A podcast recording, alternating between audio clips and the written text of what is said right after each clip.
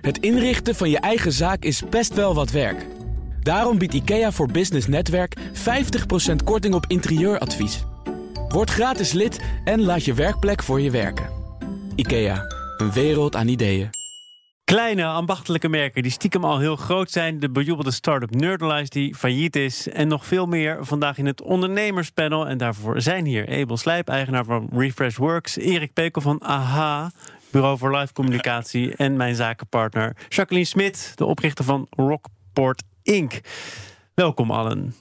We beginnen met jullie eigen nieuws. En Abel, wij spreken jou net voor take-off. Want jij gaat uh, met de prins naar een belangrijke start-up bijeenkomst. Oh, nou, ik ga zelf niet. Oh, dat uh, dacht ik. Ja, nee, nou, dat, kan, dat is wel grappig dat je dat, dat, uh, dat denkt. Maar uh, ja, die belangrijke bijeenkomst, dat is natuurlijk de CES, de Consumer Electronics Show in, in, Las Vegas. Vegas ja. ja. volgende week. En dan gaat Prins Constantijn gaat met 50 start-ups die kant op.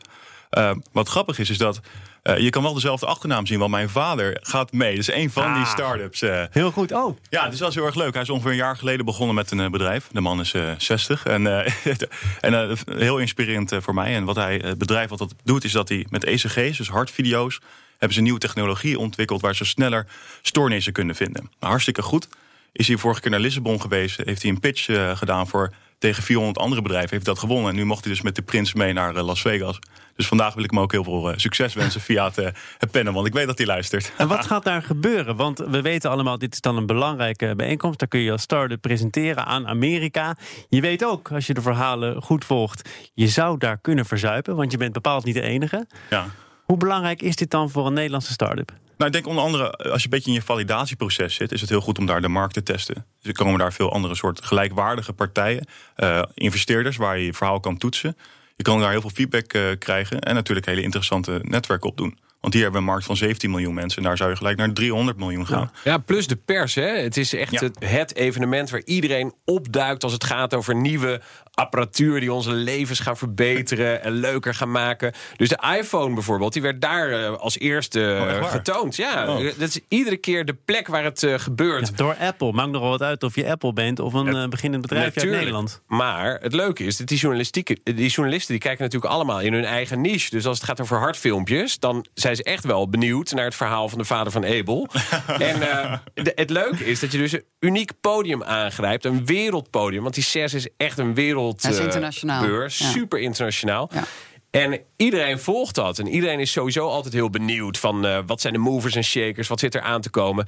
Ja, en in Nederland hebben we dus uh, ja, gewoon echt een mooie line-up van 60 start-ups, hè, geloof ik, die ja, daar naartoe gaan. Ja. Ja, dat is toch fantastisch. Je hebt het Holland paviljoen daar. is een van de grootste vertegenwoordigde landen daar. Dus daar kunnen we weer uh, trots op zijn. Kunnen we weer trots op zijn. En, en denk jij dat het nog werkt dat de prins meegaat? Want dat was natuurlijk in het begin van het feit dat hij special envoy was. Kijk, we hebben iemand, de prins, die opent deuren. Inmiddels is hij dat natuurlijk een tijdje. Werkt dat nog? Nou, ik denk dat er echt heel veel meer pers op op, uh, op afkomt, onder andere daardoor. En plus als iemand, uh, stel je zegt ik wil een introductie bij die organisatie en zegt de prins zegt nou dat kan ik wel even voor je doen, dat dat wat beter overkomt dat je dat zelf zou doen. Dus ik denk dat dat best kan helpen. Ja, en de Amerikanen die houden ervan. Hè? Dus ook de organisator van dit evenement, die vindt het helemaal fantastisch. Die heeft ook uh, erop aangedrongen van sta je er wat meer op voor dat je dus prins bent.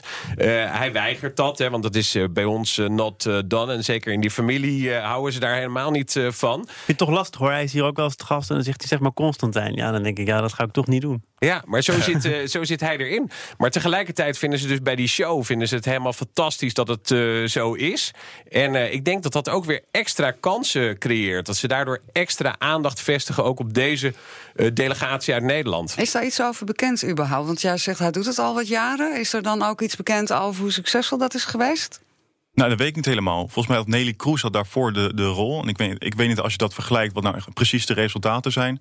Maar either way, eh, als je naar zo'n delegatie hij heeft... Hij opent deuren. Hij opent deuren, ja. Nou, en het idee is van Startup Delta dat dat niet per se blijft bestaan. En Nelly Kroes krijgt nog een opvolger. De vraag is ook, krijgt uh, Prins Constantijn nog een opvolger? Want op een gegeven moment zou je kunnen zeggen... dan is je missie volbracht. Het gaat er ook om dat je die start-ups over het voetlicht brengt... dat het uh, politiek gezien wat meer aandacht krijgt. En dat is volgens mij wel ja, maar ik hoop ook dat ze dan de les een beetje borgen. Snap je, als je zo'n project hebt en je gaat met zoveel mensen die kant op, is veel uit te leren, denk ik, dat het een beetje bewaard blijft en gedeeld wordt.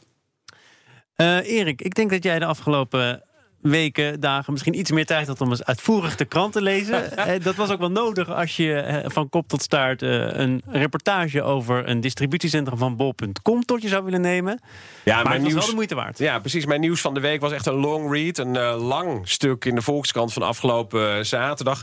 En dat was het, het stuk van journalist Jeroen van Bergijk. Vijf weken lang ging die undercover bij bol.com. En hij ging ook uh, wonen in zo'n chalet op uh, vakantiepark uh, Droomgaard, daar in Waalwijk. En uh, ik vond het echt een fantastisch uh, stuk om uh, te lezen. Heel erg interessant om een kijkje te krijgen daar achter de schermen. Want ja, ik bestel zelf ook wel eens wat op bol.com. We hebben het in deze uitzending er wel eens eerder over gehad.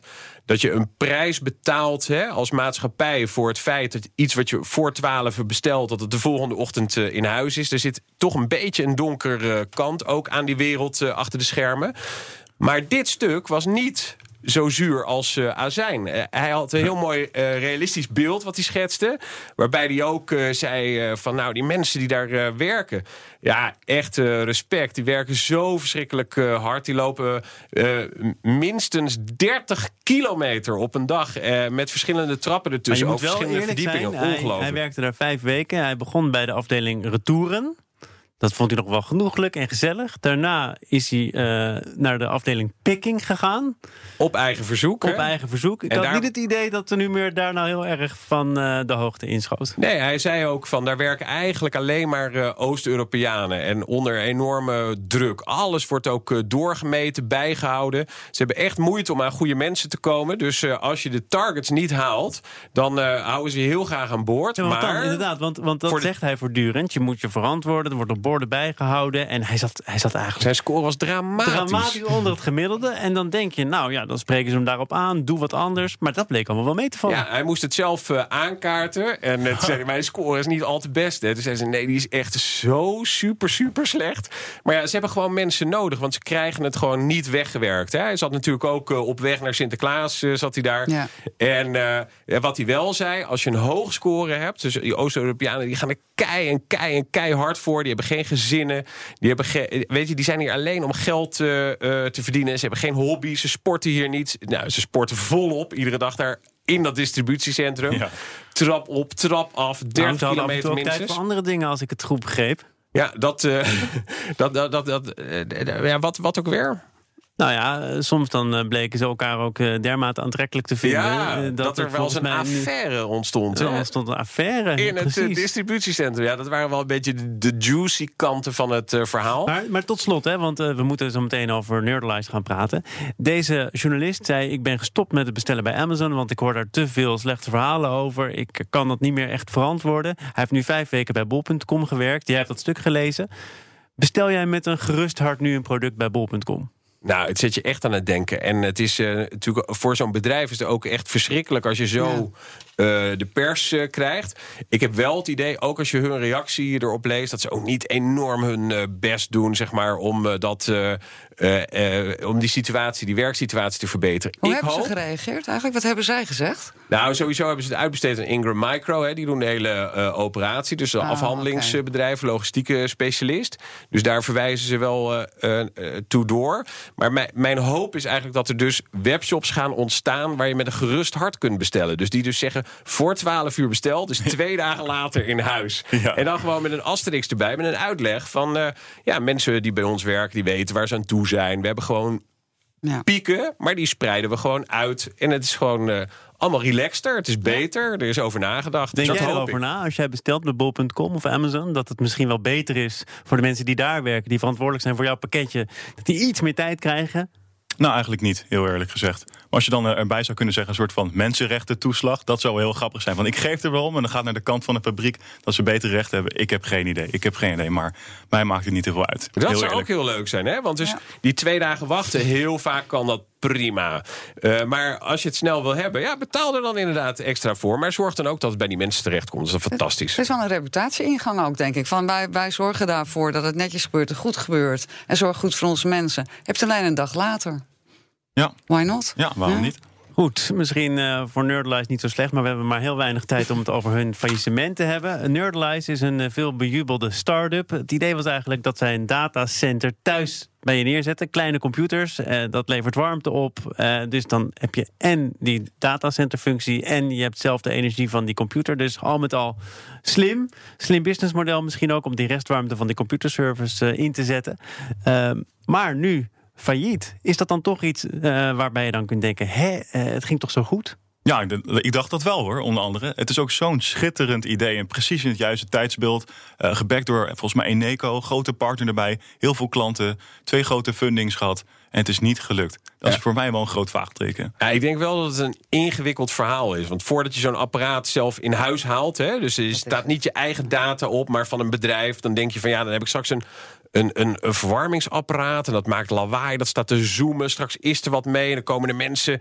en die moeten dan nu toegang hebben, want er staat waardevolle data op. Dat is allemaal niet. Hè. Ze hebben overal goed over nagedacht, alles ondervangen. Maar het heeft gewoon te veel uitleg nodig. En eh, ik denk dat het succesvol zou kunnen zijn... als je dus één klant hebt, een organisatie die veel data verwerkt... Ja. en die behoefte heeft aan dit goede, mooie, duurzaam verhaal... om daarmee sympathieker te worden.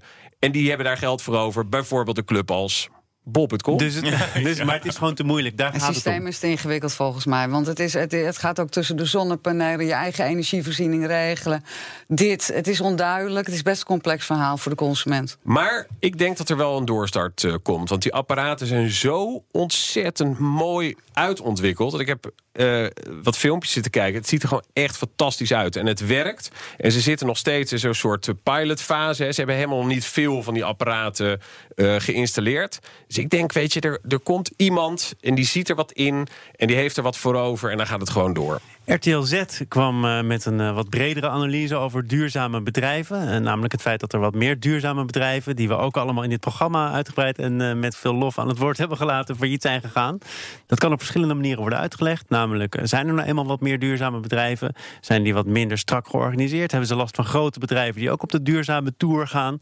Abel, wat denk jij dat de verklaring is? Ja, ik denk, ik denk verschillende redenen, onder andere. Ik denk dat sowieso met duurzaamheid, die komen gewoon in een hele commerciële wereld. En daar is hard werken. Ik weet niet of wordt van commercieel uh, vergeleken met duurzaamheid. Rare vergelijking, maar of dat echt een groot verschil heeft. Per definitie dat mensen failliet gaan of, uh, of bedrijven. Maar, maar wat zeg je nou, het is hard werken. Ja, ik neem toch aan dat als je een bedrijf begint, dat je dat ook een beetje incalculeert. Dat je ervoor hard hard voor moet gaan werken. Ja, maar ik denk ook misschien ook vanuit omdat duurzaamheid ook heeft te maken met veel overheidsinstanties en subsidies. Dus net een boek geschreven door Bjorn Lomborg. Dat is een professor aan de Universiteit van Kopenhagen. En die heeft met 50 economen hebben ze de 169 UN-doelen bekeken. Dat is voornamelijk gaat over klimaat. Waar ze achterkwamen, om dat allemaal te, te bewerken, hebben we 2,5 triljoen nodig. En de beschikbare budget wereldwijd is 150 miljard. Dat is ongeveer 6% van de begroting. Ja, dat zit wat tussen. Maar moet je nagaan dat ik bijvoorbeeld de starter ben. Ik ga die kant op. Ik denk, daar, daar is heel veel subsidie en geld voor. En dat het heel erg tegen kan vallen. Misschien gebeurt het wel vaker rondom deze thematiek. Erik, tot slot. Nou, ik vind Nerdlize wel een mooi voorbeeld. Want toen ik dus op hun site keek uh, gisteravond... zag ik dat ze op twee paarden hebben gewet. Hè? Dus ze hebben en iets heel moois, duurzaams... en het is ook nog een keer heel goedkoop. Want je hebt geen datacenter nodig en zo. En echt hun prijzen zijn heel concurrerend. zijn zelfs goedkoper. En dat gaat dan ook weer niet samen. Dus het is, het is ja, en en. Het is gewoon heel, heel lastig. Ik denk dat je dus echt een meerwaarde moet hebben uit je innovatie, uit je oplossing. Ja, en dan ben je gewoon levensvatbaar. En als het net niet sterk genoeg is, of als je het lef niet hebt om er meer voor te vragen. Of als je niet in staat bent om het verhaal echt krachtig uh, uit te dragen. Ja, dan, dan wordt het hem gewoon niet. Maar dat geldt niet alleen voor duurzame bedrijven. Ja, exact. Ja. We gaan uh, praten over hele grote bedrijven, multinationals, die zich steeds vaker vermommen als of achter kleine ambachtelijke merken. Zometeen meer van het ondernemerspanel. De gast is het ondernemerspanel bestaande uit Abel Slijp, eigenaar van Refreshworks, Erik Pekel van AHA, Bureau voor Live Communicatie en mijn zakenpartner Jacqueline Smit. En we gaan het hebben over uh, ja, wat lijken te zijn kleine ambachtelijke merken, maar stiekem zit daar dan vaak een multinational achter die zo proberen te vechten tegen die nieuwkomers. Dat zou je bijna misleiding kunnen noemen. Is dat het ook? Ja, stealth brands. Ja. Las ik ergens. Ja, ik vind dat, al, dat zegt al genoeg, hè? Ja, ik denk dat uh, grote ondernemingen... Uh, die zijn heel risicoavers. Dus daar kan iets nieuws gewoon niet uh, echt een goede kans uh, krijgen. Hè, als je bijvoorbeeld rituals uh, neemt, hè, dat is zo'n mooi voorbeeld. Dat is gewoon ontstaan eh, binnen Unilever. En die, eh, die oprichter van, van Rituals, die wilde dat heel graag groot maken binnen Unilever. Maar ze zagen het gewoon niet. Zijn baas, die zag het niet. En hij heeft hem gewoon laten lopen. Hij zei, nou, dan ga ik het zelf doen. Ik denk dat ze daar nog steeds heel erg van balen bij eh, Unilever. Hè. Dus die kopen nu allemaal van die succesvolle start-ups. De of slager. Nou ja, en dat is natuurlijk toch wel een beetje gek, hè? Dat, dat verwacht je gewoon niet bij, bij Unilever. Tegelijkertijd, voor die Wat verwacht je oprichter... niet? Nou, de vegetarische slager, dat associeer je gewoon niet met Unilever, met zo'n multinational. Aan de andere kant... de- die, die zich Precies graag dat, profileert als duurzaam. Ja, ja, Ja. Maar ik vind het dus ook heel, heel eh, mooi voor die ondernemer die dat heeft opgezet. Hè. De slagerswinkeltje had hij echt in eh, Den Haag, nog steeds eh, trouwens. En nu krijg je natuurlijk wel echt gewoon een enorme hefboomwerking. Je kan opeens kan je vegetarisch eh, eh, vlees, wat dus geen vlees is, eh, kan je opeens heel groot eh, maken. Dat is fantastisch. consument gezien is het natuurlijk wel misleiding. Als je daar niet transparant over bent, dat die ambachtelijke merken gewoon in een concern vallen, wat kan, maar dat je er wel op een zo'n goede manier in het DNA bedoeld van het merk mee omgaat, is dat oké. maar dan moet je dat wel communiceren. Ja. Anders is het best wel misleidend. Want dat doen ze bewust. Hè? Dus heel vaak staat er dus niet wat ze dan Unilever noemt dat de sender brand. Hè? Die U, die bestaat uit al die vrolijke symbooltjes. Eh, Heineken heeft bijvoorbeeld eh, wat van die craft beers eh, overgenomen. Hele grote Lagunitas. En er waren heel veel eh, fans echt eh, van die eh, biertjes. Die zeiden ja, als Heineken nu de eigenaar is... Hè, verder verandert er helemaal niets. Blijft gewoon hetzelfde recept. Blijft dezelfde brouwerij. Dezelfde mensen die het maken. Dan hoeft het van mij niet meer. Dan, dan doe ik het niet meer. En waarschijnlijk is dat de reden... Hè, waarom ze daar zo geheimzinnig over doen. En er zo... eh, ja, maar, maar ja, Maar jij, stel- jij, jij hebt gewerkt bij hele grote organisaties. Zie jij inderdaad ook een soort eh, blindheid, zoals we dat nu net geschetst hebben gezien eh, bij Rituals, eh, dat eigenlijk ontstaan is in de boezem van zo'n groot bedrijf, maar geen kans kreeg en dat je dat dan nu, dat je daar nog spijt van hebt of dat je het voor heel veel geld moet gaan Ja, terugkomen? het is wel gelaagder dan dat natuurlijk. Want het heeft ook met je focus te maken. En hoe zit je distributienetwerk in elkaar? En wat willen je consumenten? Welke markt wil je bedienen? Soms is het ook gewoon misschien niet in de scope van het bedrijf. Dat kan. Maar een kleiner merk, dat leidt af. Hè. Grote bedrijven hebben heel vaak gewoon focus op... dit is wat wij doen, hier moeten we de metrics halen. En dat kleinere product, dat is voor ons niet interessant. De tegenbeweging nu is wel dat de consument er steeds meer om vraagt. Weer terug naar ambachtelijke merken, gewoon naar pure merken, transparantie. Waarvan Dus dan- je denkt dat het een puur merk is, totdat je erachter komt. nou ja, en dat Old Amsterdam niet uit Amsterdam komt. Nee. Maar het is, het, is een, het, het is dus wel... En ook geen ik zie oude casus. een- Nee. En ook geen oude casus. Het, ik zie de kanteling. Dus ik denk dat ze uiteindelijk wel dat gaan kiezen. Maar het is niet zo eenvoudig in een grote organisatie, denk ik. Ja. Nou, misschien is het ook even een transitie van de een naar de andere periode. ik, Want ja, ja. ehm, eh, ik denk dat van die grote eh, partijen, bijvoorbeeld zo'n Unilever of eh, andere, eh, die zien start-ups als een externe research and development afdeling. Juist. En dat is wel nieuw, hè? Ja, en die kopen gewoon, denk ik, dat is interessant. Daar is wat markt, dat hebben ze getest, hebben ze zelf geïnvesteerd en dat kopen we dan. En het is heel logisch om even dat merkbeeld te hebben, een tijdje, en dat ze dat later dan zelf weer gaan introduceren. Maar bijvoorbeeld, ik heb niet het gevoel dat Unilever echt onder de pannen had geschoven dat ze de vegetarische slager hadden nee, dat is anders grandioos mislukt. Ja, ja. maar ja, ja nou, maar we hebben het over die vegetarische slager ook al eens eh, gehad. eh, in dit programma op deze zender. En ook gesproken met de oprichter. Die zegt: Ja, mijn missie is gewoon om mensen anders te laten eten. Hoe kan ik die missie het snelste verwezenlijken? Dat is met de slagkracht van zo'n groot bedrijf. Ja, het is wel de schaal der dingen, denk ik. Dus Ja. als je, en ook voor technologie in start-ups. Als je wilt dat dat eh, gebruikt wordt, dat het schaal krijgt... heb je ook die grote bedrijven nodig. Ja, wij werken- Volgens mij hoeft het niet tegen elkaar in te werken. Ja, wij werken ook met marketingafdelingen van grote organisaties. En ik zie het nu ook vaker dat zij aparte brands maken... omdat ze een hypothese hebben om een bepaald iets in de markt te zetten. En dan willen ze niet al eerst afhankelijk zijn van een hele grote organisatie... of branding die daarachter zit. Dus ik snap, die, eh, ik snap het wel. Ja, wat interessant is, ik kom wel eens bij Yes eh, Delft. Hè? Echt zo'n incubatiecentrum van eh start-ups. En daar zijn gewoon een aantal multinationals. Die zijn gewoon aangehaakt. Hè? Die lopen daar gewoon... eh, Iedere bijeenkomst zorgen ze dat ze er met minstens twee man eh, zijn. En die hebben gewoon echt heel actieve vinger aan de pols. Die weten precies, hè, nog voordat de pers eh, er lucht van heeft... wat er hard eh, kan gaan. En ja, daar willen ze in mee. Daar gaan ze eerst in investeren. En uiteindelijk kunnen ze dat overnemen. En, en heel vaak is een fantastische springplank natuurlijk. Ja. Je moet alleen uitkijken als start-up... dat je niet te vroeg natuurlijk want eh, het weer, ja, hè? ja, Ja. dat kan natuurlijk helemaal misgaan ook. Ja. Je ziet sommige goede evenementen. eh, Zo'n carrièrebeurs, die werd dan door eh, de Telegraaf opgekocht. Of Hives zelfs, Ja. hè, waarvan je denkt... van nou, dat was dan waarschijnlijk wel volwassen op dat moment. Ja, voor die oprichters was dat denk ik wel goede timing achteraf. We- Maar weten jullie dat jullie te maken hebben met een zakenpartner die in de directie van TMG gezeten heeft? Ja, oh ja. dat is wel even... Ja, ja, maar ik denk ook dat, kijk, Hives, ik denk ook, je koopt profielen. Dus, en dan is het, wat doe je daarmee? En dat gaat ook op voor technologie die je koopt. Uiteindelijk kan je dat wel in bezit hebben. Maar wat doe je er dan vervolgens mee? En hoe ga je dat markten? En daar gaat het vaak mis. Ja, ja. en die, die spirit, hè, dat, dat is heel... Uh ja, heel lastig. En dat is mooi, denk ik, wat, wat, wat je soms ziet gebeuren. Hè. Soms uh, ja, gaat het ook gewoon helemaal mis. We gaan praten over iets dat goed gaat, althans. Dat willen veel mensen zo uh, beschouwen. Namelijk dat uit gegevens van de Kamer van Koophandel blijkt dat steeds meer tieners zich inschrijven als ondernemer. Vorig jaar waren dat er 3500 jongeren tussen de 13 en de 18 meer dan het jaar daarvoor. Dat is een derde meer dan het jaar daarvoor zelfs. Uh, nou ja, vertel het maar. Hoe komt het dat die stijging zo flagrant is? Is het makkelijker geworden? Oh, het is zo makkelijk geworden op zich. Je hebt gewoon een goed stel hersens nodig, een computer en je moet weten hoe je iets kan programmeren. En je hebt al een bedrijf bij wijze van spreken met een beetje lef. En vroeger toen je een bedrijf wilde opzetten, had je een lening nodig bij de bank of heel veel grondstof om iets te bouwen. En nu kan, als je een camera koopt, heb je een videoproductiebedrijf bij wijze van spreken. En iedereen wordt geïnspireerd door ondernemersverhalen of de vloggers zien ze zien, volgens mij vooral bij die, uh, bij die leeftijd. Ja, ik denk dat dat een hele mooie ontwikkeling is. En uh, ja, ik denk dat er film ook daaruit wel een hele mooie pool wordt gecreëerd van talent voor later alle ondernemers hier in Nederland. En uh, ik kijk er gewoon uit. Maar je, zegt het wel terecht. Hè? Je koopt een camera en je hebt een videoproductiebedrijf. Uh, betekent dat ook dat we het met een korreltje zout moeten nemen? Ja, ik denk dat je het wel met een korreltje zout moet nemen ook. Kijk, als ze allemaal in de klas zitten en heeft, een heeft een webshop en de ander maakt een video, kan degene die uh, de video's maakt voor die webshop weer elkaar helpen. Het is niet dat ze voor grote organisaties gelijk aan de slag gaan, denk ik. Maar het is wel een heel erg leuk, een leuk begin, denk ik daarvoor. Een hele goede les vooral.